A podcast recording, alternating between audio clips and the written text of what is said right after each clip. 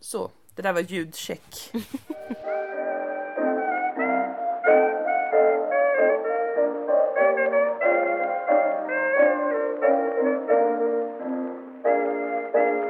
Nu, hallå! Hallå! Vilket vackert ljudcheck. Ja, visst var det. Det Det är, var verkligen- Ofta är det ju så vackert men att vi klipper bort det. Ja, det, det brukar vara en vacker liten snutt som ingen någonsin får höra. Men den här gången tycker jag vi behåller det. Ja, det gör vi. Gud så fint det var.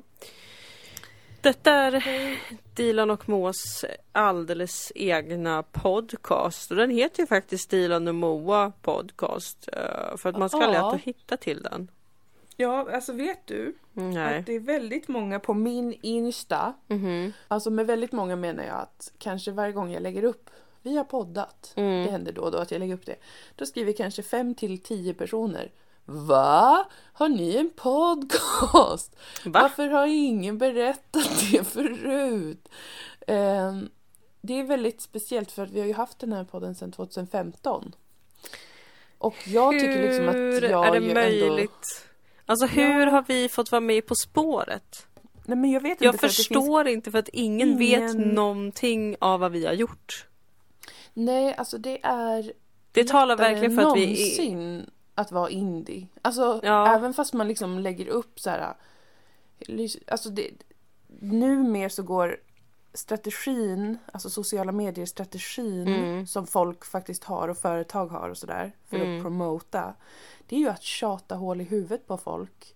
Alltså de lägger upp, Ja, om du får upp ett inlägg på Instagram så här, hej lyssna på min podd typ ja. från någon du följer så kan du räkna med att den har lagt upp 96 000 sådana innan och det är den där du får se. Typ. ja, precis.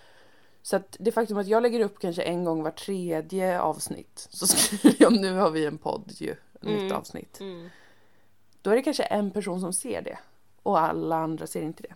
Alltså det är så himla himla sjuk situation att man ska behöva Och jag är ju inte ens där. Du använder inte ens Instagram och Jag av kan oss inte stötta upp. Nej, Facebook. Jag vill heller inte göra reklam för podden på min Facebook för att jag vill inte att mina släktingar ska se. Nej, och Facebook är så jävla lame. Alltså, Alltså jag vill inte att bara- vuxna ska höra när jag sitter och pratar om knulla och supa. Vilket vi gör i varje också. avsnitt. Ja, det också. Nej, Twitter. men summa summarum är att det är... ehm, vi har en podd, det är kontentan. Men vi kommer aldrig kanske göra reklam för den, mer än så här. Så man har väl tur om man hittar den. Alltså om man har hittat den så har vi blivit inkvoterade i ditt liv. Det är vad som har hänt. För att annars hade du aldrig hört det här förut. Ja. Nej, men det är en jävla spesig situation alltså med de här äh, jävla plattformarna. Alltså usch vad trött man kan bli De suger stjärt, De pung. suger stjärt, pung. Jag ska prata om en av de plattformarna idag. Wow, vad intressant! Programmet har redan högt content. Alltså, Alltså, det här visst. programmet, Dilan Moa. Har inte jag varit ganska duktig ändå på sista tiden att jag har varit så här. Idag ska jag prata om det här. Jo, det Som om vi varit. jobbar på radio nästan. Du har liksom registrerat saker i samhället Ja, och tagit med dem. Det är Det- bra. tydligt tecken på att jag inte är deprimerad längre. Ja, Att du jag klarar av orkar- att se Ja. nyheter. Jag klarar av att se dem och jag eh, går inte sönder av dem igår. Jag är ju i Stockholm nu, det är därför vi spelar in på distans. Ja, och jag ber om ursäkt om, om mitt ljud är dåligt igen. Förra veckan var det katastrofalt. Men jag försökte göra det bättre nu. Men ja, det är på distans. Vi kämpar, vi kämpar med tekniken.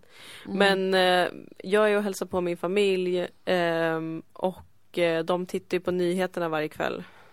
Ja, gud, Och så-. Var ju Morgan Johansson med på nyheterna som du vet Åh, att jag är väldigt, väldigt, väldigt, väldigt rädd för. Ja, jag tycker att det är det enda roliga politiska skämtet i Sverige. Att du är rädd för honom.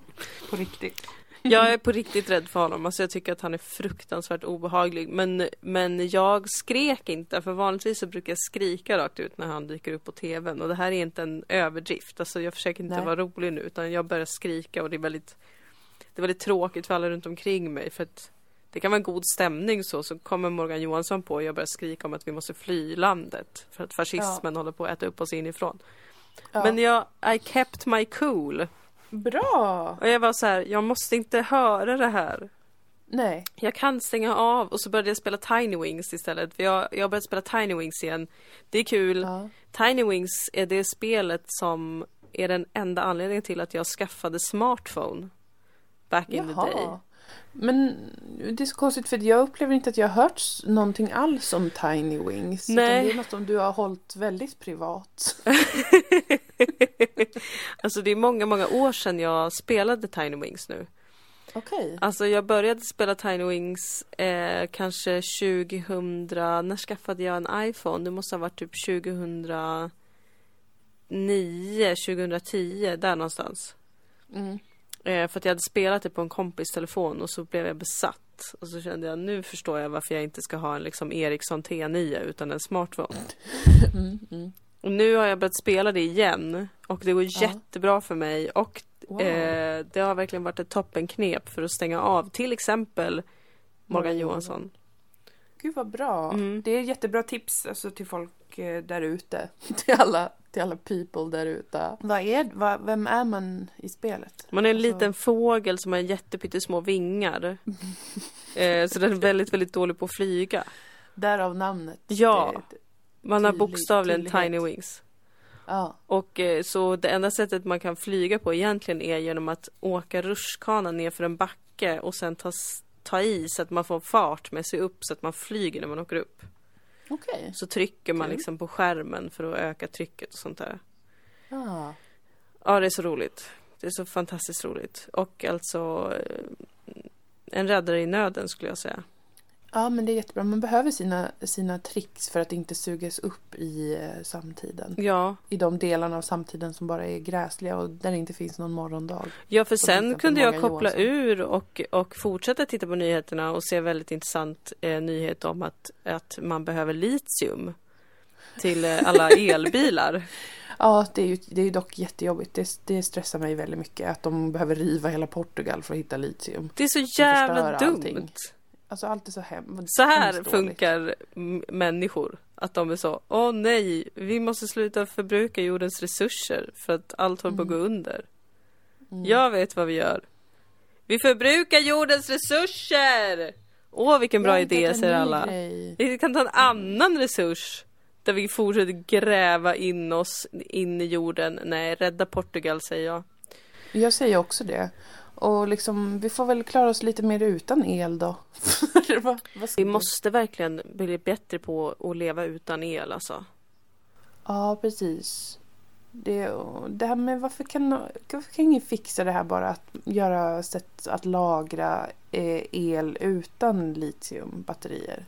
Varför kan de inte bara fixa det? Alltså vem, någon kan väl fixa det? Vi kan ju fixa jättemånga saker. Då Ja, förstår inte jag varför kan inte någon ordna det bara nu? Exakt nu. ja. Så att vi kan ha solenergi och allt det här. Men man kan lagra det då. Fast utan att behöva använda litium till batterierna. precis. Men Varför ska det vara så litium, jävla svårt? det är väl litium man får också om man är, är, är bipolär eller vad är det? Används Just inte ja. vid olika, eh, kanske olika då, psykiska sjukdomar? Ja. Det har man ju använt förut i alla fall. Jag det, hörde det låter någon väldigt gång bekant. Ja, jag lyssnade på någon, eh, eh, någon gång när jag har lyssnat på podd, Ja. cast. Ja. Jag tror det var någon sån radiolab.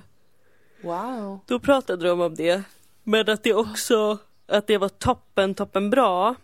Jag tror att det var någon Mm. som var bipolär som eh, åt det. Mm. Eh, det var superduper bra fram tills att det började bryta ner alla hennes organ. Ja, nej, typiskt. Så att, tråkigt. Det är så himla tråkig biverkan. Det är verkligen Nej, biverkning. när något ska funka så bra också. Och så sen får man det där backlashen att ens organ bryts ner. Men det är jättetråkigt. dö. Ah, Det, är jätte, det var ingen som var inställd på det. Usch. Så jävligt dumt. Men eh, hur mår du idag då? Det är ju, vi spelar ju in mitt under en uh, månförmörkelse. Jag, jag har varit väldigt trött. Det kan ha att göra med månförmörkelsen då. Mm. Eller att jag är hundra eh, veckor gravid. Ehm, Något av de två. Eller båda i kombination. Ja. Så jag har sovit eh, 10-11 timmar i natt. Mm. Ehm, vilket var skönt. Men det är också lite så här, jag blir lite stressad av det. Det går inte att förneka. Nej. För jag sov även lika länge natten innan dess. Och jag har även ibland tagit en nap på dagen. Vilket landar mig på en total sömn på kanske 12 timmar per dygn. Ja.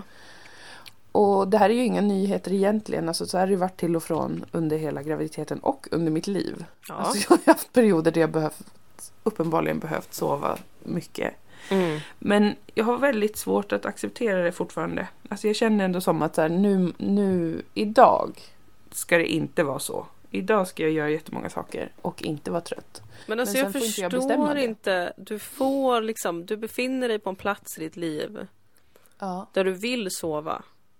Du har lätt, Ja. alltså inte, du vill inte, men, men din kropp, Men min kropp känner för det. Ja. precis. Och du har inga problem med att somna. Nej, nej. Jag Nej. sover gott som en ängel. Och du en somnar snabbt. griskulting-ängel, jajamän. Och du Jag en får göra det här. Hela omvärlden bara står och applåderar och är så Yeah girl, you go to sleep man. Ja. Du är välsignad, säger omvärlden till mig. Ta på dig en lång klänning och sov och vila och ta på dig en blomsterkrans. Säger hela världen till mig just nu. Och just därför så känner jag, det ska jag fan inte få lov att göra. Nej, det, jag förstår liksom inte. Jag förstår inte vad du håller på med. Är det trots? Jag tror att det är trots. Jag, som du vet så började jag grina en dag. Eh, Ja. när, när det tog för lång tid att plantera saker. För jag är så tjock. Var det därför du grät? Jag trodde du grät för att du mådde illa. Ja men det var ju för att jag, jag mådde liksom illa och jag var Jag kände att jag var tung och det tog lång tid att Ja. plantera. Och då blev jag så besviken att jag började grina. Jag var också hungrig. Ja, Det var allt, det är också det som är så kul. Att du blir Ja. chockad varje gång du är hungrig. Ja, Och då har det ändå har- gått några timmar sedan du åt sist. Ja. Och att vi runt omkring måste påminna om att så här, ja, fast du bygger alltså bokstavligen en människa. Med Ja. din kropp. ja. Nej, men det är så jävla konstigt att det är så himla svårt. Det är alltså svårt att, att acceptera ett annat te- tempo. Men det har också verkligen pågått alldeles för länge. Det här är en kritik jag Ja. har mot att vara gravid. Mm. Mm. Att faktiskt- behöva det hålla så på så tid. länge? Det är nästan ett helt år. Ja. Vem är skyldig? Alltså vem, vem har gjort det här Är vi liksom elefanter? Eller vad, Ja, vad det är det som ska ta så, så. lång tid? Vad är det som ska ta... Varför lägger vi inte ett ägg? Alltså den här frågan har vi ställt många gånger. Ja. Alltså det vore väl jättebra. Då kunde man ha sitt vanliga liv. Man kunde gå och pyssla om ägget varje dag Ja. såklart. Se till att det har det bra. Och så sen kläcks det. Men det Fast där är det här nog inte långt borta alltså. Nej men samtidigt när jag sa det där blev jag äcklad för jag gillar inte fåglar och sånt där, amfibier och skit. Alltså jag tycker ju, jag har ju hög respekt för däggdjur. Ehm, det är bara att jag har svårt att, att ha respekt för att jag själv är ett däggdjur. Jag Ja. tänker nog att jag är lite bättre. jag Mm. borde ha lite mer eh, andra grejer going on. Mm. Än att bara vara en sån kossa nu som producerar en avkomma. Vi Så jag borde tänker ju- att jag ändå borde ha en, jättemycket energi och göra tusen grejer. Ja Men det just har det. jag ju inte. Gud jag är typ avundsjuk. Alltså vilken dröm. Men det är klart det är lätt för mig som sitter på den här sidan. Att vara avundsjuk. Men tänk. Åh vad Mm. skönt. Få Mm. bara gå runt och vara tjock. Mm. Äta. Sova. Gnälla. Alltså du kan ju gnälla så mycket mer än vad du gör också. Ja, det är sant. Jag har ju varit väldigt tydlig med mot både dig och min kille att den dagen jag blir befruktad Mm. eh, jag kommer inte hålla någonting tillbaka. Nej. Alltså det kommer Nej. gråtas, det kommer skrikas, det kommer skrattas hysteriskt. Jag kommer Mm. ligga still, jag kommer bete mig exakt som jag vill bete mig nu bara att nu vet jag att jag måste ha ett visst hyfs. Ja. Och jag kanske inte kan Men säga till så folk tror jag att väldigt många kvinnor använder sin graviditet. Ja, alltså det är helt fantastiskt och med all rätt. Jag menar kolla vad man går igenom. Ja, det är helt rubbat är det. 1050 år av Ja. att vara en stor, stor, stor Invaderad. fabrik. Ja. Ja. Helt invaderad av livets kraft. Ja.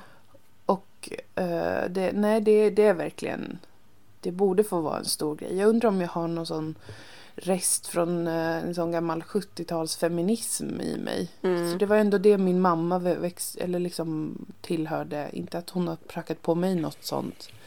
Men det har ändå varit en del av min verklighet. Mm. Och 70-talsfeminismen var ju som så att det inte ska vara någon grej att få barn.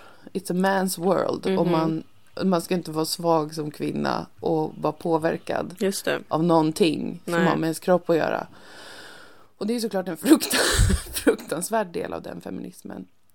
Det tycker jag ju. Men jag tror kanske ändå jag har någon sån jättekonstig liksom, stolthet i att jag, jag borde inte påverkas så mycket av det här. Det är mycket märkligt. Som jag uppenbarligen gör. Och, och det är ju lite, ja, det är lite märkligt för att jag tycker ju som sagt att det är klart att det påverkar en. Det kan det väl få göra. Det är ju ett en ganska särskilt tillstånd att vara i under många Alltså, månader. jag, jag slogs idag av det faktum att du ska föda det här barnet snart. Nej men snälla någon, jag har också slagits av det nyligen.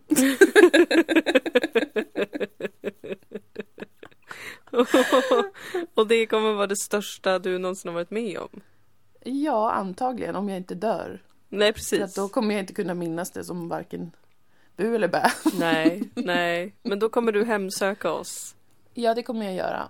Ehm, på något sätt. Hemsöka är ett att- hårt ord. Alltså, jag tror inte att du Besöka. kommer besöka. Ja, precis. Hemsöka, det är ändå ett vackert ord på ett sätt. Ja, det är ganska trevligt Att ändå. du söker oss hemma vid. Ja, och bara chilla liksom. Ja. Hem, hemma vid. Nej men jag vet alltså, nu börjar jag ju också, nu kan jag känna eh, barnets kropp. Alltså om jag är utifrån så kan jag känna, här är ryggen, här är röven, Mm. huvudet ligger ner. Och så sparkar det. Och, och sen så kommer jag på, den ska ut ur mig. Alltså på något sätt så ska den ut ur mig. Ja. Och innan den ska ut så kommer den ha blivit minst ett kilo tyngre än vad den är nu. Ja. Alltså, wow, vad sjukt. Det är ganska sjukt faktiskt. Du ska liksom öppnas Ja. upp. Ja, som en blomma Ja. ska jag öppna upp och, och dela på mig. Det är faktiskt jättekonstigt. Så du måste sova jättemycket nu för att du måste hålla Ja. dig extremt lugn. Det måste jag faktiskt. Det är sant. Jag ska fortsätta. Jag kommer ju fort. Jag gör det ju ändå. Ja. Alltså det är det som är, in, är kul med mig. Alltså jag gör ju alla de här sakerna. Jag tar det skitlugnt och sover och mediterar och allting. Men sen mellan att jag gör det så känner jag varför har jag inte startat ett nytt företag? Och, och satt upp en scenshow. eh, nu Sverige idag. jobbar när Sverige är som bäst. Vad Ja. fan håller du på med? Precis, det är som att jag har en sån liten satan på ena axeln. Mm. Det är så. Hur ska du klara dig i, i, i, i livet då om du ska sitta hemma och gnälla och böla varje gång du är gravid? Ja men absolut, absolut. Det är helt It's a rimligt. man's world gumman. Mm. Get out mm, there och mm. gör lite jobb. Visst. Ja. Ja. Men all in all mår jag ju bra. Ja, jag har inte bra. ont och jag har inga... Jag mår inte illa. Jag mådde illa ett tag där. Under den, den mörka veckan, vecka 32, 33. Mm. Då eh, hälsan var i diket. ja. Men det har, det har tonats ut. ja, men det är Jag bra. må, har inte mått illa. Något mer? Typ? Hur mår du? Jag mår bra, jag är också lite seg. Mm. Eller Det är månförmörkelse som du var inne på. Ja precis, så vi är ju månstyrda både du och jag så Ja, det är ju det är inget konstigt egentligen. Våran sektlight är ju skymd nu va, av eh, Ja, ja, jorden. Och, så att det är inget konstigt att man blir lite seg och långsam. Att det kan vara så ett par dagar. Så ja, jag ja. tänker bara ta is i magen och hålla ut.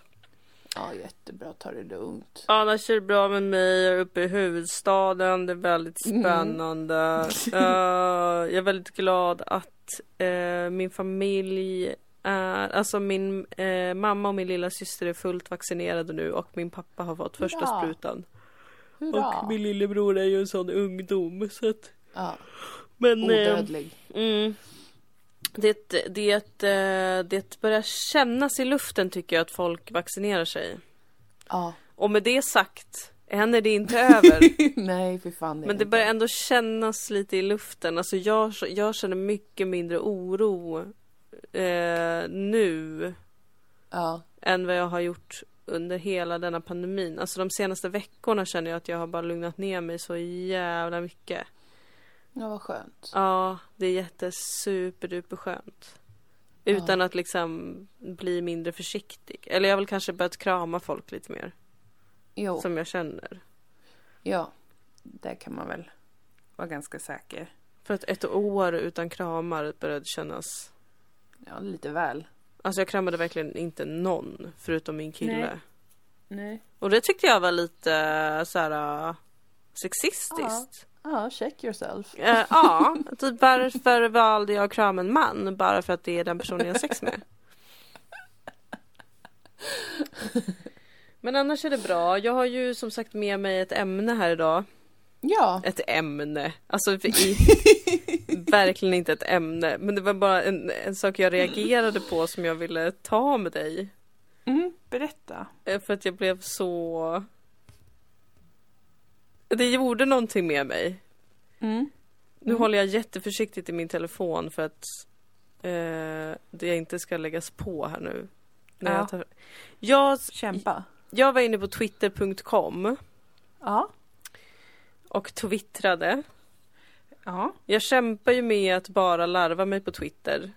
Mm, jag blir jätteglad varje gång du har larvat dig. Inget ont om de gånger du har eh, retweetat något politiskt. Nej, Men jo, lite ont om de gångerna. För jag mm, älskar ju trams och larv. precis. Men jag, jag kan inte låta bli att eh, också vara allvarlig. Nej, jag vet. Det jag respekterar det i och för sig. Det är ett Det problem med mig att jag har båda sidor av trams och allvar. Ett otroligt problem. Ja. Då, nej men för att jag höll på att, alltså ungefär kanske en gång i veckan så går jag in i en cirka fem minuter lång psykos Mm. över att Sverige fortfarande utvisar folk till Afghanistan. Mm. Eh, det är bisarrt, det är sinnessjukt och eh, jag tycker inte att det är lagligt. Alltså, Nej.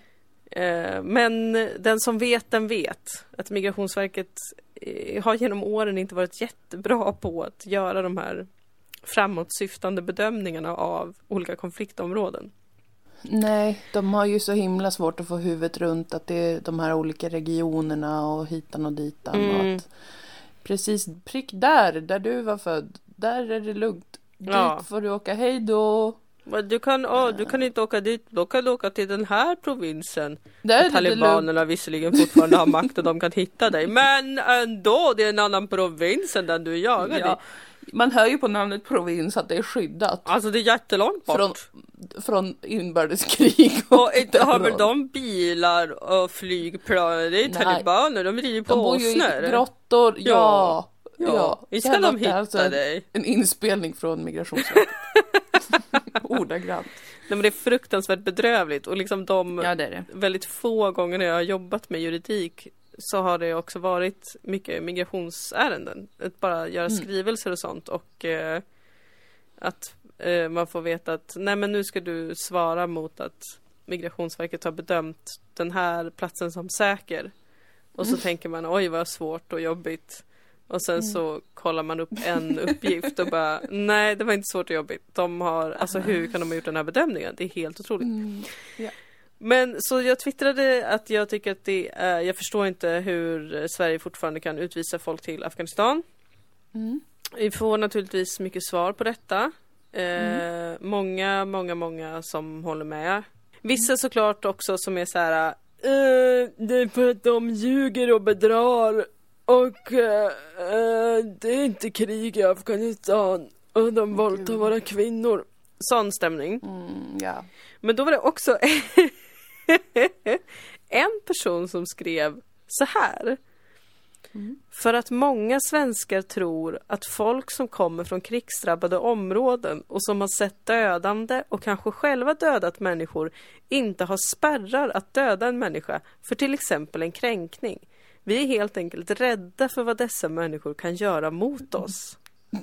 det är det Migrationsverket gör sin bedömning åt. Det det du verkar vara så labil så att eh, vi skickar dig. Nu har ju du sett folk dö eh, Ja. i en bilbomb och då är det Ja. inte långt från att du kan bli så arg som någon går före i kön på ICA att du helt enkelt knivar ihjäl den mitt framför kassan.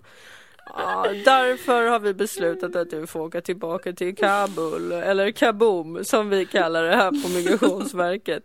Nej men jag tyckte det var så spännande formulerat. Ja, det var väl en crazy eller? Jag vet inte. Alltså för det är väl ingen normal fungerande människa som, som tror att det är det det handlar om. Men tänk om det är jättemånga människor som tänker så, eller? För att jag, det, ja, min alltså, jag tror reaktion att är samma. jättemånga är rädd, rädda för afghaner. Afghaner har ju blivit Sveriges nya somalier. Ja. Att, alltså den mest hatade etniska gruppen. Helt såhär o, helt besinningslöst hat från typ alla håll. Mm. Men, men, och ja, i och för sig kanske att Migrationsverket också påverkas av det. Att de tänker att det liksom är de är ju galna i huvudet de där, eh, så att eh, de kan man skicka tillbaka gärna dit de kom från så de inte gör något här Ja, på precis. svenskar. Nej men men han kan- verkar ju mena liksom, han verkar ju tala utifrån så här, så här tänker vi människor. Så här tänker olika svenskar. Att, och jag tycker bara att, alltså det var, jag har inte kunnat släppa det för att det låter så otroligt bisarrt. Men då finns det i alla fall en människa där ute Ja. som har tänkt tanken, oj, om någon har sett så mycket dödande och kanske dödat själv, då kommer den inte ha några spärrar för vad den kan göra. Det är liksom en väldigt, eh, det är en otroligt fascinerande förenkling av den Alltså man vet ju att liksom allvarliga trauman som människor inte får hjälp med kan upprepa sig. Till exempel sexuellt våld och liknande. Om Ja. man blir utsatt för det har man en mycket högre risk att själv bli förövare i den typen av brott och liknande. Alltså så här, det finns ju, det finns ju Mm. som vi vet om. Men det är ju ett jättekomplext fenomen och där det, där det primärt liksom handlar om att människor behöver få vård och hjälp för att inte eh, agera utifrån trauman. Men, men att tänka att det skulle gå till så att om, om du har sett fruktansvärt hända så, så tappar du alla spärrar och som en galen vilding bara vill göra det då. Om du Ja, för det, visst, för det är det som jag... jag för det, det där är ju helt sant. Att här, du, man upprepar sina trauman och ibland kan sådana trauman vara vidriga. Mm. Alltså det är ju ingen slump att många som flyr hit från alltså fullskaliga krig blir lite koko i huvudet och behöver Nej, jättemycket precis. traumastöd. Och Eh. jättemycket terapi. Mm. Eh, men det är verkligen att, att jag vet inte, att lägga det på en hel befolkning på något sätt. Eller så här, vi vill verkligen inte ha hit hela den folkgruppen för att så många av dem har sett massa grejer och vem vet vad de kan göra för tok saker då. Ja, och bara att vi är väldigt speciell- rädda. Alltså det är första gången jag verkligen har hört någon prata om det som att så här, För att ofta hör man folk vara liksom eh, rasister för att de har gått på massa saker som har hänt här kanske. Att Mm. typ någon asylsökande har begått ett brott och plötsligt så är alla asylsökande galna våldtäktsmän. Och Mm. folk är så här, jag är rädd för att jag vill inte att de ska utsätta mina barn för det här. För att jag har hört Mm. att de har gjort det mot andras. Men att nu hämta det från liksom, nej men det som har hänt där borta. Jag vet inte, det är något, det, det är något väldigt spännande med det. Att ha utvecklat en- en sån tanke. Ja, men det var som en, en, både en förenkling och en ihopblandning av flera olika typer av argument som man brukar höra. Mm. Eller åsikter eller vad fan det nu är. Känslor som folk har kring, kring, kring, det, kring Afghanistan. Afghaner. Det var som en, eh, en... Han har slängt ner flera olika saker i en kittel och blandat. och sen hällt ut den där tweeten. Ja, men Ja, jag svarade inte. Nej, jag svarade inte. Jag svarade inte på något. Faktiskt. Nej. Det har jag slutat med. Ja, är men ingen det är bra idé. för självbevarelsedrift. Nej, nej, nej. Alltså det är det verkligen inte. Och Det- också så här, för, för att folk ljuger. Man bara, men Alltså förlåt men jag hade 100 000 procent ljugit i en asylprocess om jag flydde Ja. från fucking Afghanistan Ja, Och det var någonting som det? låg mig till nackdel, typ så här. Det, det hade varit bättre om jag var född där eller om jag typ inte hade det där passet. Alltså klart att jag hade gjort det! Ja men vem i helvete hade inte gjort det? Den som inte hade gjort det är den som är psykiskt sjuk. Det var, de vill att den. flyktingar ska vara sådana duktiga flickor som bara Nej men vet du vad nu, nu insåg ju jag att jag har ju faktiskt Jag har ju faktiskt ett syriskt pass där hemma. Men vad dumt Vad dumt av mig. Då åker jag tillbaka. Assad, inga problem. Nej men, jag alltså, åker tillbaka, det var jag som gjorde fel. dumma flickor. Alltså, det, är väl, det är väl att man är dum om man bara eh, jag, du, jag, kommer, eh, jag kommer säga 100% fastän jag vet att det kommer få eh, enorma fruktansvärda konsekvenser i mitt liv så kommer jag vara helt sanningsenlig med den här Mm. detaljen. Mm.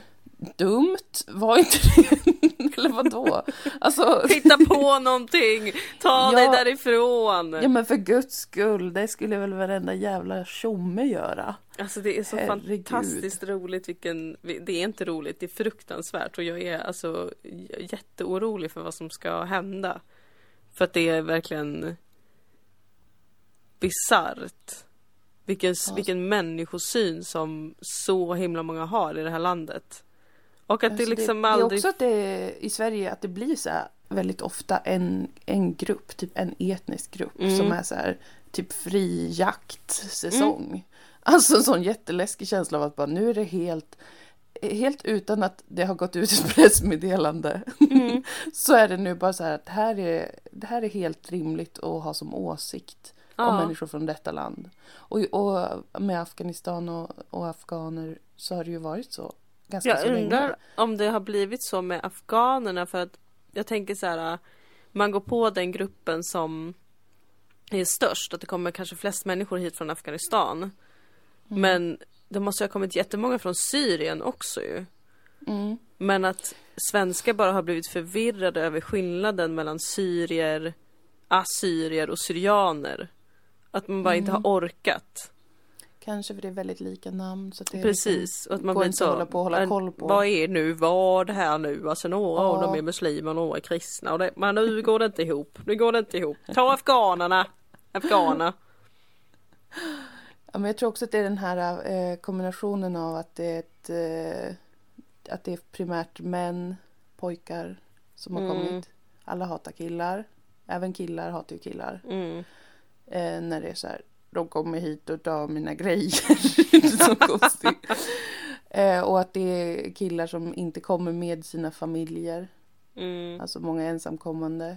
Att det är så också så. Varför har du, varför, vad har du familjen? Du har ju gått och litat på dig din joker. Mm. Du gillar inte ens familjen och tack och fredag. Fy fan vad obehagligt. För att i Sverige Vi- älskar vi familjen. Vi älskar familjen. Vi tycker det är mysigt här.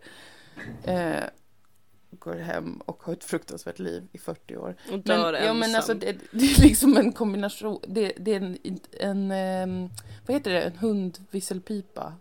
Det är många Mm. så här saker som inte sägs rakt ut men som jag tror är som folk, många människor då tycker är så konstigt och främmande på next level. Det är inte ens, det är inte ens en trevlig familj som bara försökte göra rätt för sig och flyr Mm. krig. Utan det är dessutom nu alltså människor som jag förstår inte alls hur de lever där borta. Nej. Ha, inte nå, alltså vi har inget gemensamt. Hade Det bara varit en obehagligt. trevlig, hade det varit mamma, pappa, två barn, Ja. en pojke och flicka. Ja, Då Gillar hade jag sagt Dance, allt det här. Ja, ja, ja, Mm. ja, ja. ja. Går ut. måste, det måste ha något med det att göra att det är så här, för det är så, sånt enormt hat. Eh, och Men det är bara så, himla också så här världsfrånvänt, alltså. Det är bara så intressant vilken bild många svenskar har av Dels att det, att det inte finns en omvärld för många svenskar. Det reagerar jag på ofta. Att det är så här, så många som man bara du, du tror verkligen att du är, lever på liksom jordens mittpunkt. Ja. Alltså du är så övertygad om att det, detta där vi är är liksom epicentrum för all upplyst tanke och kultur. mm. Eh, vilket är provocerande i sig men jag tror också det är så många som inte har något begrepp om eh, lidande eller sorg eller smärta. Och att det är något stört med det för att då kan man ju säkert tänka så här, jo men om vi har inte haft krig på 200 år och vi vet inte vad en kris är riktigt och det har man märkt nu under coronapandemin också att vi inte riktigt haft något begrepp om vad en kris är, att tänka själv i en kris. Vi bara sprang liksom direkt upp i knät på pappa staten och hoppades att någon skulle komma med en skylt som berättade vad vi skulle göra liksom. Mm. Men det är ju så djupt oempatiskt. Vilket i mm. sig är omänskligt.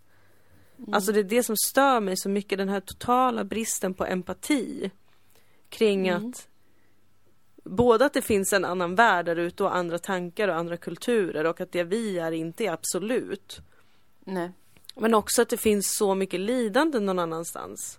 Det var ju som Mona Masri twittrade, om det var igår, att så här, att exil är något som är så smärtsamt för människor att det en gång i tiden användes som straff. Mm. Alltså att man blev bannlyst från där man kom från har varit ett straff. Alltså det är mm. ju ett trauma att mot sin vilja behöva lämna platsen man kommer ifrån. Mm. Eller till och med om det ens är liksom någorlunda frivilligt eller inte tvingas av flykt. Jag menar min mamma behövde flytta från Kurdistan till Tyskland när hon var 16 för att hennes pappa var gästarbetare i Tyskland och det har också lämnat ett jättestort sår hos henne och då mm. behövde hon liksom inte fly för sitt liv. Men det är fortfarande en enorm inverkan att utan att vara särskilt sugen på det behöva byta världsdel liksom. Mm. Det är inget man bara gör för skojs skull. Och att Nej. så många har gått på den här idén. Ja, att det att inte skulle här... vara förknippat med det utan det är bara någon sån lycksökarstämning. Ja. De vill bara komma hit och ju... få ett bättre liv och man bara om det bara vore så väl. Alltså bara det mm. hade väl också varit helt normalt om folk bara hm det där ja. landet verkar soft jag skulle vilja gå dit och bo. Ja. What's the fucking problem man? It's a compliment. Det är jättesvårt med integrationen. Ja, det är jättesvårt med integrationen om man har en grundläggande rasism i sitt samhälle.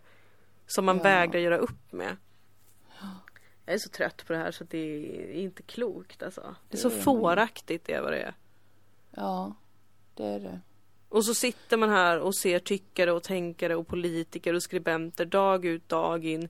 Går runt och tuppar sig som om vi liksom lever i någon slags kulturell högborg full av mm. intellekt. Vi gör, det gör inte vi verkligen det. Inte. Nej, det är, så, det, det är ändå en konstig... Det är ett så himla litet land. Och ett ganska pinsamt land, Sverige. Alltså det är det ju. Det det är en objektiv sanning. Alltså det, vi har det materiellt väldigt bra och allt det här.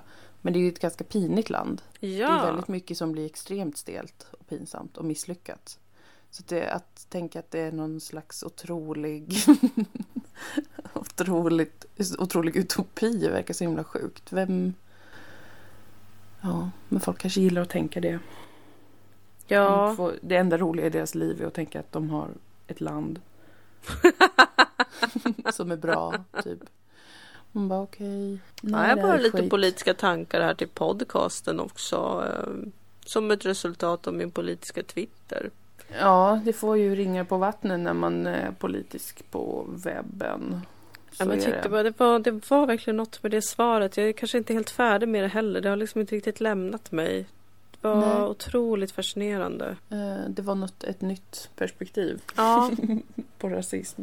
Och en så otroligt rik fantasi. Ja, ja. Det var det faktiskt. Alltså man kan, uh. man kan fantisera så pass långt om vad en människa är kapabel till för hemskheter men man kan inte fantisera särskilt långt om vad den personen kanske har varit utsatt för och behöver för stöd. Nej. Nej, precis. Eller vad det är för slags mänsklig varelse utöver allt det äckliga som har hänt den. Ja, nej det är som att det bara är det. Som konstituerar en person då. Ja, det är så lätt att tänka sig att en 16-årig afghansk kille ska våldta första bästa vackra blonda kvinna han ser. Men det är jättesvårt att föreställa sig att han kanske gillar att typ äta chips och kolla på Family Guy. Det är intressant vad man, hur man göder sin fantasi. Jag tror att det är det som jag tycker är spännande med sådana där tankar och sådana där svar. Ja, du kan fråga honom. Ja. vad göder din fantasi? Kanske ska göra sir? det. Ja, fråga hur han har skapat sig den bilden. Det kan mm. bli en intressant studie av eh, den superfringe Twitter-gubben. Precis. Om han nu är fringe. Det kanske är väldigt vanlig. Ja, det verkar Spaning, inte vara något trollkonto liksom. Nej. Nej, men för att folk tycker sånt här. Ja, Folk precis, tycker sånt här och de är inte läskiga troll eller obehagliga. Det är helt vanliga människor som man stöter på varje dag som på riktigt tycker så här. Ja. Det har blivit så jävla normalt. För vi har ju politiska företrädare som kan stå i liksom riksmedia och prata om att alla problem i Sverige beror på invandringen. Mm. Det är inte bara Sverigedemokraterna som pratar så längre. Nej, nej, nej. Och de får komma undan med det. Journalisterna är ju också bara så här, ja just det, precis. Mm. Ja, men hur ska man lösa det då? Men vad driver du med mig? Nej, it's fucking beyond me. Beyond me too. Det är Hashtag metoo. Jag tycker det är så svårt att prata politik i podden. Vad då då? Mm, För att jag tycker att det är svårt för jag vet liksom inte. Det är som ett mellanland. Mellan. Alltså jag vet inte vilka som lyssnar och. Ja, Hmm.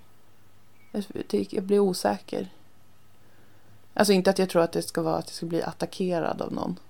Ehm, men men jag, känner, jag känner mig liksom osäker på att prata fritt om politik. Eller så kanske det är en satirskada att jag fortfarande liksom känner som att eh, jag, jag, jag mm, ja, nej jag vet inte, skitsamma. Men är det om inte viktigt. politik eller är det särskilt den här frågan? För jag tänker att politik pratar vi ändå om ganska ofta. Nej, det tycker jag inte vi gör. Inte? Nej. Jag tycker vi är ganska politiska. Ja. Men kanske mer Nej, med liksom... här samtidspolitik typ, tänker jag är, blir, blir ofta liksom, alltså saker som pågår just nu eller nyheter just nu och sådär. Mm. Känner jag ofta att jag inte riktigt vet vad jag ska, vad jag ska säga typ. Mm. Eh, för att jag inte vet. Nej, jag, jag, jag har svårt för samtiden på det sättet. Jag blir som låst. Ja, men jag kan förstå det också för att samtiden är ju inte så... Det är som att samtiden utger sig för att vara jättepolitisk fast samtiden är också väldigt, väldigt opolitisk. Mm. Det politiska samtalet är väldigt dött. Inte bara liksom i det som politiker bedriver utan det som pågår mellan människor. Alltså, jag känner Mm. att jag pratar politik jättesällan med andra människor. Mm. För att folk inte vill prata politik. För att det är läskigt ifall man inte skulle hålla med varandra till exempel. Mm. Ja, alltså jag känner som att jag pratar ganska mycket i mitt privatliv om, om politik. Mm. Om, alltså diskuterar saker och sånt här. Men i all form av liksom någon mer offentlig, alltså både podden, även om den inte är superoffentlig, men även mina sociala medier. Mm. Så har jag liksom jättesvårt att vare sig dela eller delta eller eh, på något sätt uttrycka någon form av politisk ståndpunkt eller åsikt. Jag har liksom helt stängt av det på alla mina sådana lite mer offentliga plattformar. Och det är inte för att Mm. jag är köpt av public service utan det är för att jag riktigt inte vet hur man kan göra det på något sätt. Jag har upplevt det som att ofta så fastnar allting går bara i en loop. Mm. Alltså det blir så här, det händer någonting fruktansvärt som man tar del av via nyheterna eller liknande. Folk lägger upp, eh, eh, har hög affektion och aggression ofta åt olika håll gällande detta. Och sen landar det nästan alltid i att ingen kan förstå någon annan. Eh, allt är åt helvete och sämre än någonsin. Och det är det. Alltså så Mm. upplever jag att det politiska liksom, samtalet går på alla sociala medier och även i viss utsträckning i de poddar jag, alltså jag lyssnar inte på så mycket poddar i och för sig. Poddar är som ett, som ett konstigt brett spektra av saker som jag inte vet är så här. Jag lyssnar inte så jättemycket som sagt så jag kanske inte eh, kan, kan uttala mig om hur det där är. Men det, det har funnits på ett sätt lite samma loop i podd, alltså samma logik i poddar, typ så här, du vet med kultur, när det blir så här krig, ku- kulturkrig och debatt om någonting. Mm. Och så använder folk även sina poddar för att ta ställning och sen så tar någon ställning emot det och sen tar någon ställning emot det och så blir det så här buzz kring det. Ja. Och sen är det slut bara. Och det är som att jag... Att jag... ehm, ja, Ja men man blir ju har mer cynisk helt- än någonsin Ja. av det. Och jag... Ja, och jag liksom förlorar känslan av att det någonsin går att göra någonting. För annars så tycker jag att diskussioner och debatter i sig själva kan vara värdefulla. Alltså, det, det är inte bara så att jag tänker att det enda man kan göra politiskt är att vara aktivist eller engagera sig i ett parti eller vad som helst. Utan Mm. jag tänker att det finns ett värde i att diskutera och debattera politiska frågor. Um, stöta och blöta var man står. Och utmanas i sina egna föreställningar. Men du vet allt det där. Det tycker jag Mm. att det finns ett egenvärde i. Men det är som att hela, det, hela den grejen har blivit um, kidnappad av någonting annat som har en egen, ett annat eget värde som handlar om någonting som Ja, men- inte handlar om politik. Nej exakt, för det handlar inte om tankar eller åsikter längre. För det är ju, Mm. jag upplever också som att, för jag, jag tycker också att det är svårt. Jag är ju Mm. också extremt mycket mindre politisk än vad jag kanske skulle vilja vara egentligen. Mm. Ehm, både för att det inte, jag tycker inte att jag som komiker ska vara för politisk. Eh, Mm. Eller inte att jag borde vara, men jag känner att det eh, då, det förstör för mig själv. Alltså det förstör för mitt Mm. eget uttryck. Jag vill inte Mm. berätta för mycket om vad jag tycker och tänker för att jag vill kunna skämta om också vad jag Ja. tycker och tänker liksom. Ja. Sen finns det vissa saker där jag når en gräns, typ som det här med Afghanistan. Alltså jag känner bara att det finns, det här finns det ingenting det, då, det blir bara, du vet att det blir för mycket. Jag bara, jag kan Mm. inte hålla käften liksom. Mm. För att det finns vissa saker som bara är det passerar en gräns. Det passerar en anständighetens gräns. Där jag bara Mm. känner att här spelar ingenting någon roll. Här spelar ingen roll vad som händer med mitt uttryck. Det här är fucking absurt. Mm. Men eh, jag känner verkligen igen den känslan du beskriver och jag upplever att det handlar jättemycket om att det faktiskt inte handlar om tankar och åsikter. Det handlar bara om vem är det som säger någonting och vad tycker vi Ja. om den personen. Ja men precis. För att det, var spelar som- ingen roll vilka argument du ger mig för jag kommer bara kunna gå runt de argumenten, kolla på dig och sen försöka sätta dit dig så långt det går och så behöver inte jag bemöta argumenten. Nej precis, det blir liksom... Det, det, en politisk diskussion eller debatt kräver ju en viss finess. Alltså egentligen. Mm. Och vissa forum kanske. Alltså vissa settings och... Alltså eftersom att det så lätt är så att väldigt många olika ämnen och områden blandas ihop. Alltså man blandar ihop eh, privat moral med eh, ekonomisk politik med liksom kultur. Alltså att det ofta är många av de här samtida debatterna som blossar upp på sociala medier och liknande. Mm. De är en enda stor röra av flera olika frågor egentligen. Mm. Flera olika delar som behöver eh, sin tid att dissekeras och debatteras och sådär. Men det, och det tänker jag händer för att det som du säger, det är inte det som är det viktiga. Den, den frågan i sig själv som uppstår som så här stor nu, viktig Mm. nu. Det är aldrig den, den är bara någon slags dimridå för det som verkligen är viktigt för människor som är de här andra konstiga eh, statustävlingarna och eh, märkliga eh, likes-situationer. Mm. Fast jag minns, jag kände så här också när vi var, kom in på typ eh, Bianca Kronlöfs brev, du vet, som Mm. vi pratade och skojade en del om. Mm. Och att jag får samma så här, alltså eftersom att jag har sett det snurra på so mina sociala medier, jag har sett detta eh, snurra också ju, alltså hela, det är ju hela tiden att man får, får syn på, får olika slags eh, vidriga rasistiska diskussioner, politiska sådana då. Mm. Eh, nu menar jag inte att du var den som, jag fick syn på din vidriga rasistiska eh, tråd på Twitter. Ja. Men alltså det, det är liksom ett så här samtida ämne, du vet. Mm. Samtida politik som, som jag ser och hör om på mina sociala medier.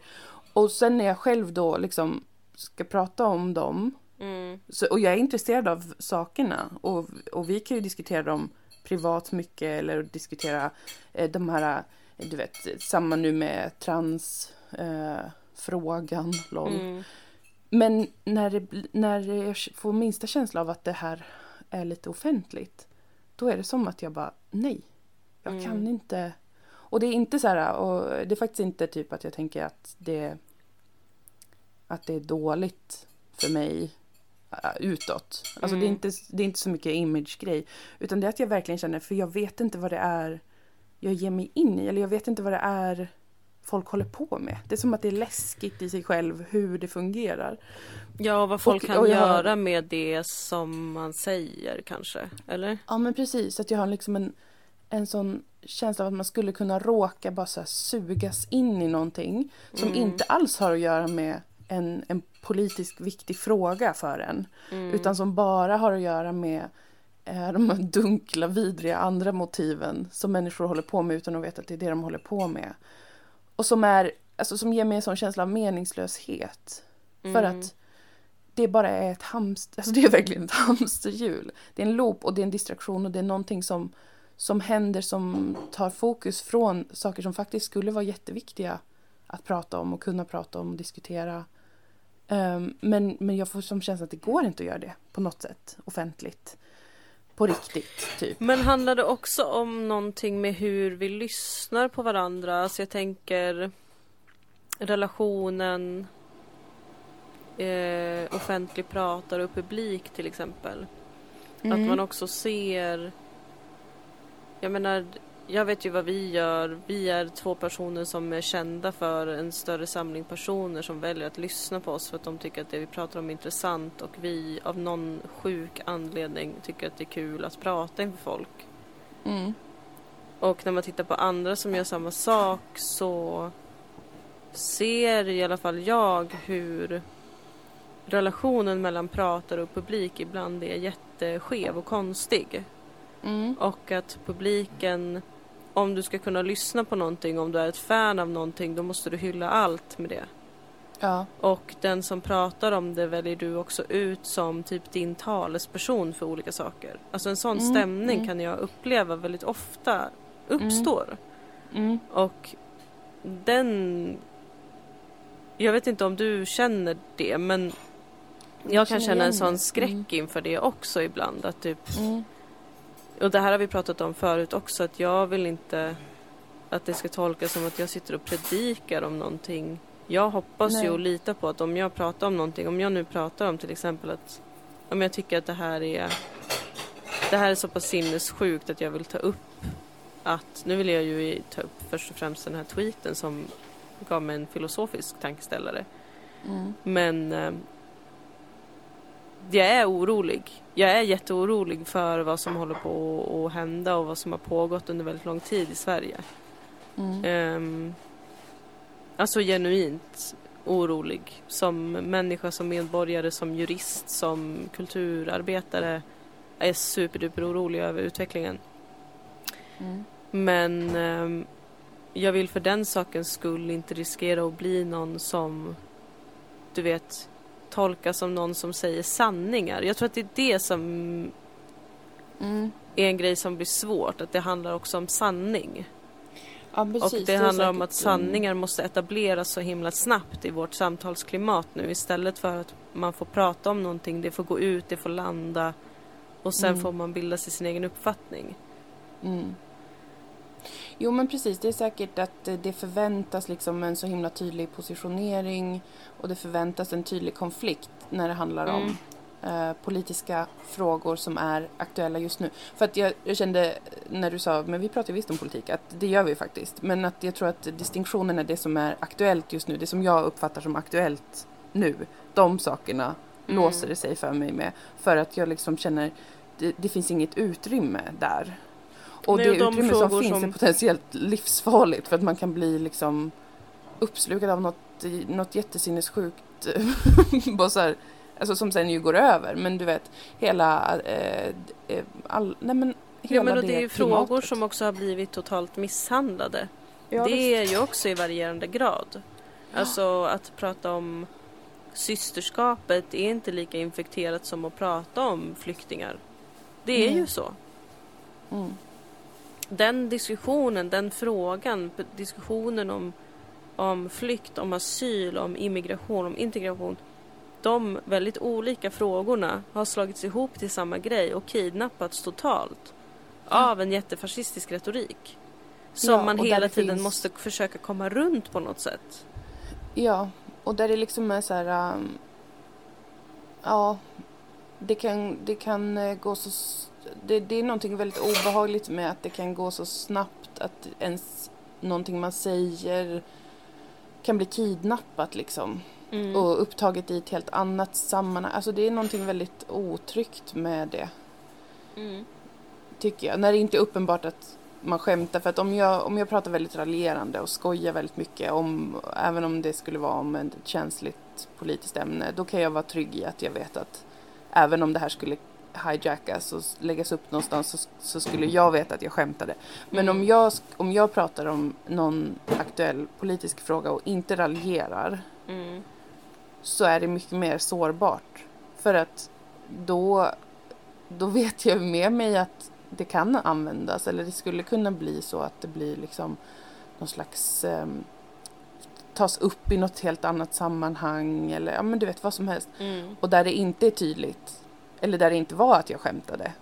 Mm. Och, det, och det, den grejen ehm, tycker jag är liksom obehaglig faktiskt. Mm. Att... ehm, ja.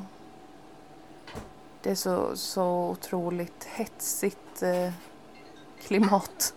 Det där hade ju jag politiskt. jättemycket ångest över förra året. Mm, just det. Eh, till och från i så olika och då hade jag ju till och med också ofta raljerat eller skämtat om saker. Mm, Eh, men pratat om aktuella grejer väldigt ofta. mm, Eh, och sen mådde jag piss. För att jag verkligen Ja. var genuint rädd för vad kan hända med det här. ja. Och det är Precis. också en sån, alltså fruktansvärt irriterande grej. Ja, Alltså det det- lägger ju mycket sordin på Jättemycket. samtal. Mm, Och det visar ju också på att vi de facto befinner oss i en ganska otrygg stämning eller vad man ska säga. mm.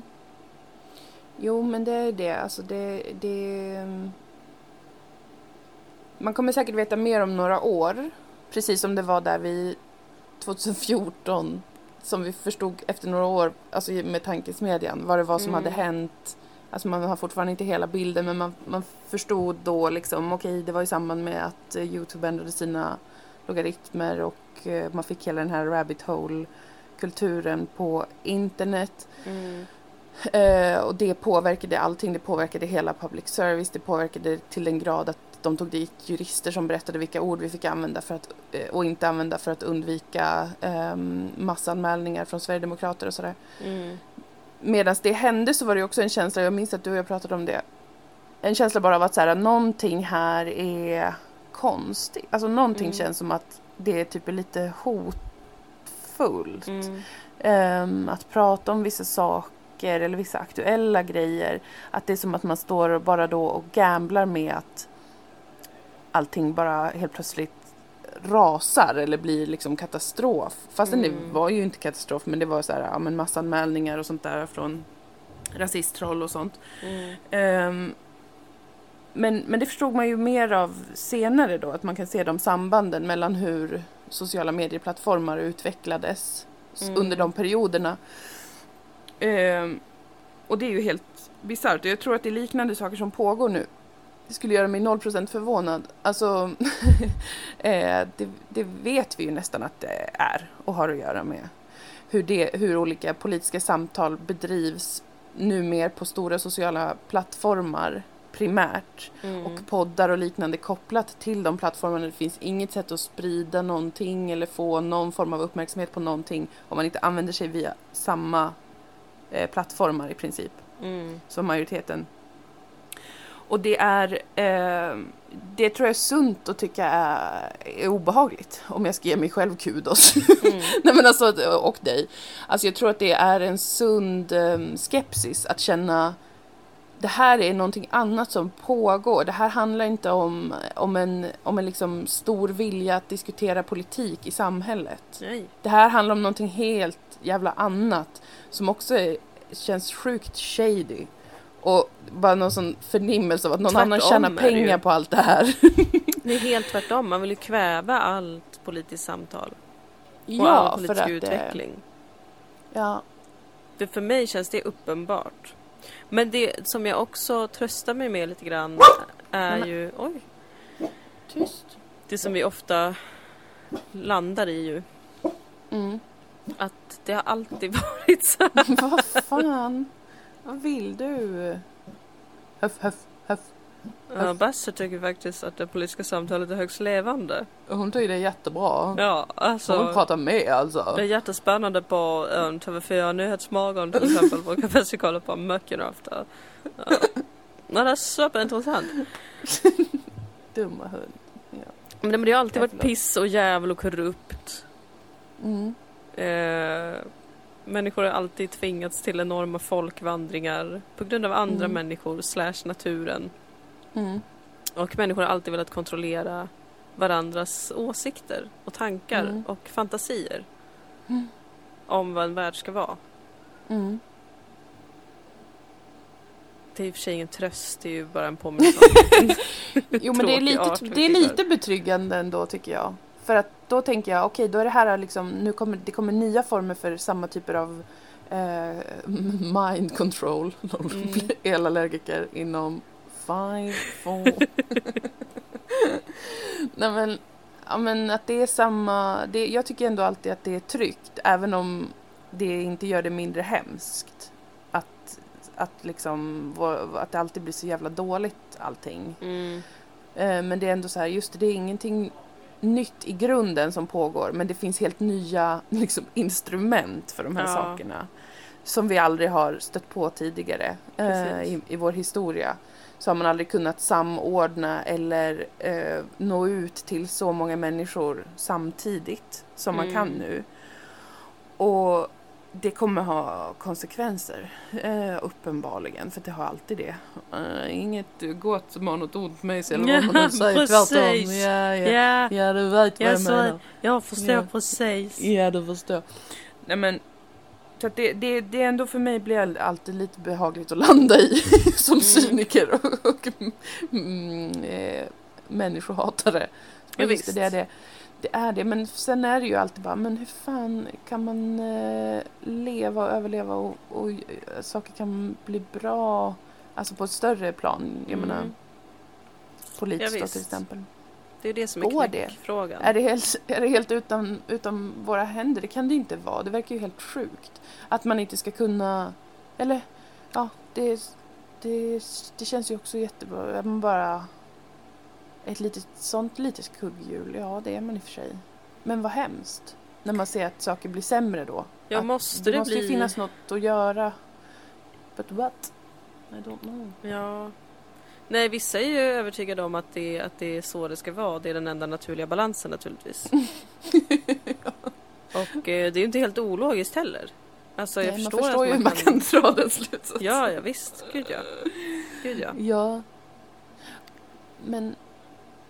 Ja, nej, det blir verkligen lätt att börja tänka att man bara börjar vill, vill börja tro på en gud liksom istället. Att bara så här, men det, det, det finns en väg, det, det är något som är menat, det kommer visa sig, det kommer uppdaga sig. Jag kan inte leta så här för att Mm. jag hittar ingenting jag kan göra, jag hittar inte min plats i något större.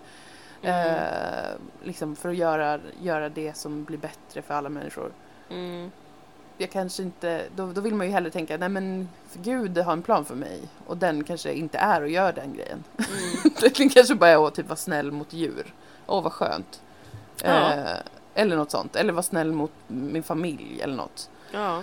Ah, phew, skönt. Men nu tror ju inte jag på Gud på det sättet. Så jag hade ju gärna, men då hade jag ju gärna fått lite mer vägledning från kanske, låt säga kosmos. Vad man kan göra. Du menar rent konkret praktiskt för att åstadkomma Ja men precis. politisk Ja men förändring? precis. Ja men exakt. Exakt. För att det finns ingen, ingenstans att organisera sig. Det finns ingenstans att prata, diskutera. Förutom hemma vid liksom. Ehm, det finns inget... Det, det är så stort. Allt är så överväldigande stort. Det är så enorma system. Mm. Det är så långt, långt, långt ifrån oss. All form av makt är så himla, himla långt. När man pratar om po- politiska frågor. Det är så långt bort. Ska, ska liksom, ja, jag kan gå och rösta vart fjärde år. Jaha, ja absolut, jag kan vara med i någon sån organisation som, som gör väl, vad heter det? när man är snäll. Välgörenhet kan jag ju göra. Man kan göra massa sådana här saker såklart. Men det är ändå det faktum att all makt bara såsar bort, försvinner långt bort. Det är jätteobehagligt. Vad kan man... Att det är så Ja, stort. men jag är ändå nyfiken på det, vad som ska hända de närmsta kanske 20 åren med det. Mm. Mm. För att eh, all makt ska ju utgå från folket enligt Ja, vår det gör grundlag. den ju inte.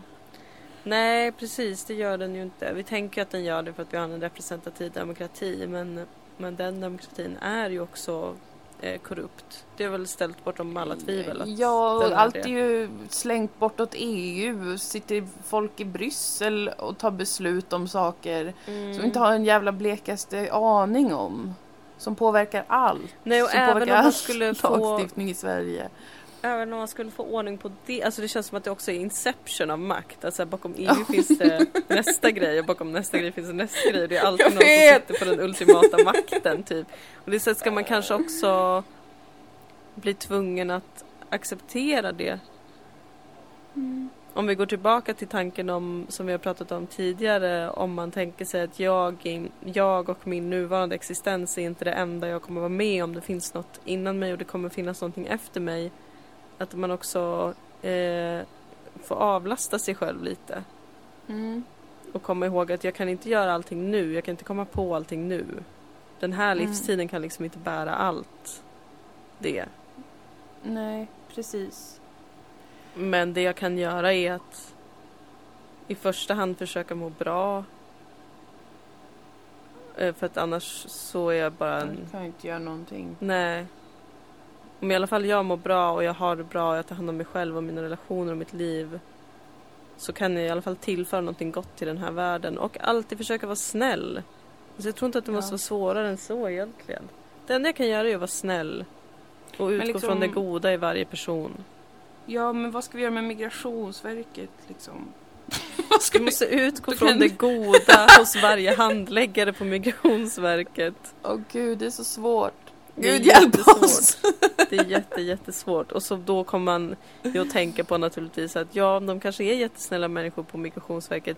Det enda de försöker göra är att liksom verkställa Lagar. högre politiska beslut som, de, som faller på dem, för de jobbar på golvet och då blir man sur på de högre politiska besluten. Ja. Nej, precis. Nej men helvete Och vad sen är man där igen i. Inception. Ja. Ja. Men jag tror även här på, precis som vi har pratat om med kulturen och vårt skapande, så Mm. tror jag egentligen på samma sak med ens egna politiska liv, att skala ner. Mm. Alltså att istället för att tänka hur ska jag påverka typ riksdagen eller vara med Mm. och driva fram en lagändring. Jag kanske ska börja med att prata med folk som jag känner lite mer ytligt. Mm. Och inte på internet utan när man träffas.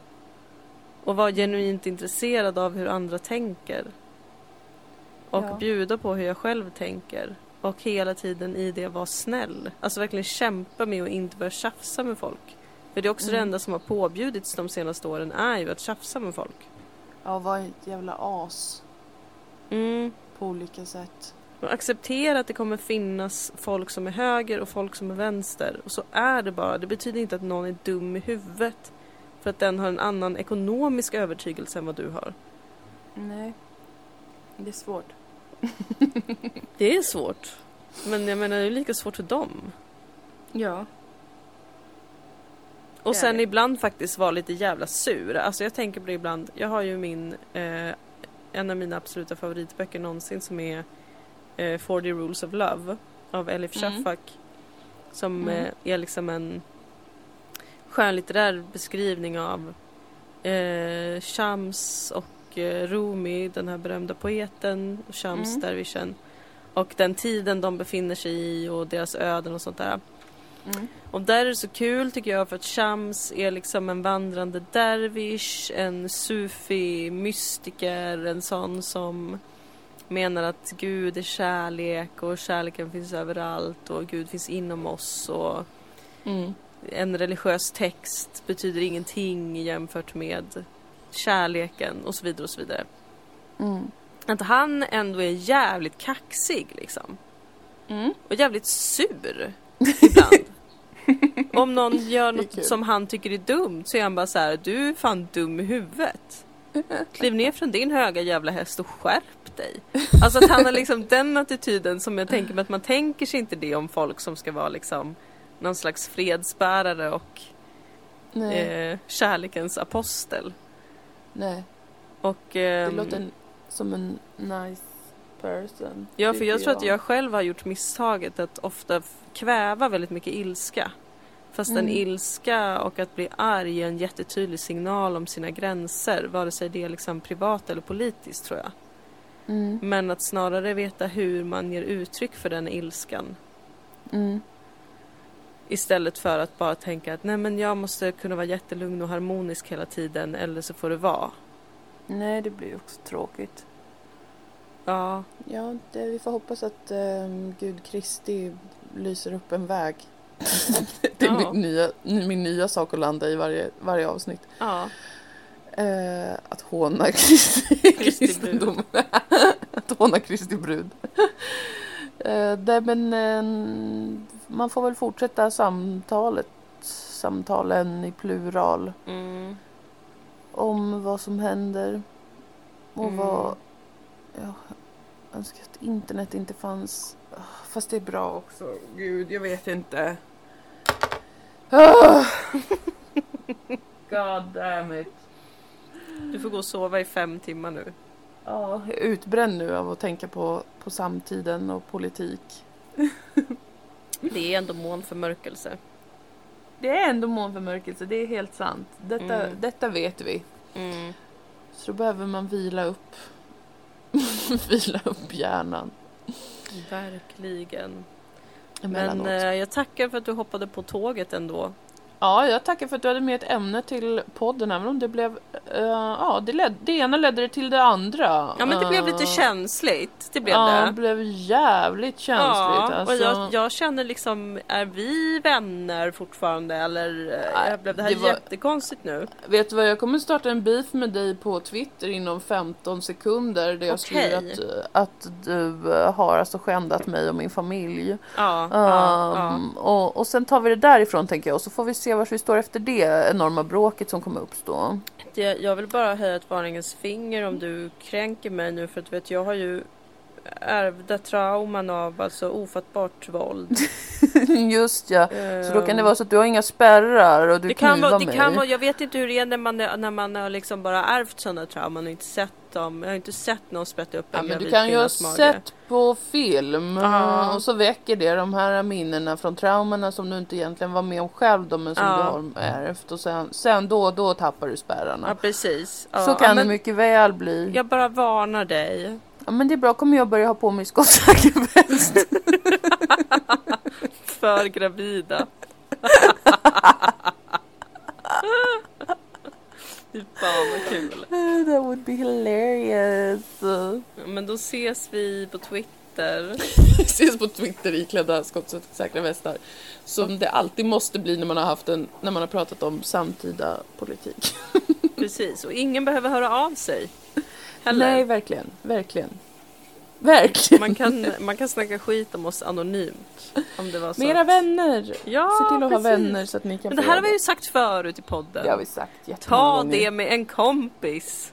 ja, Ja. exakt. Exakt. Det är så Visst. himla bra tips. Det är verkligen det bästa tipset någonsin.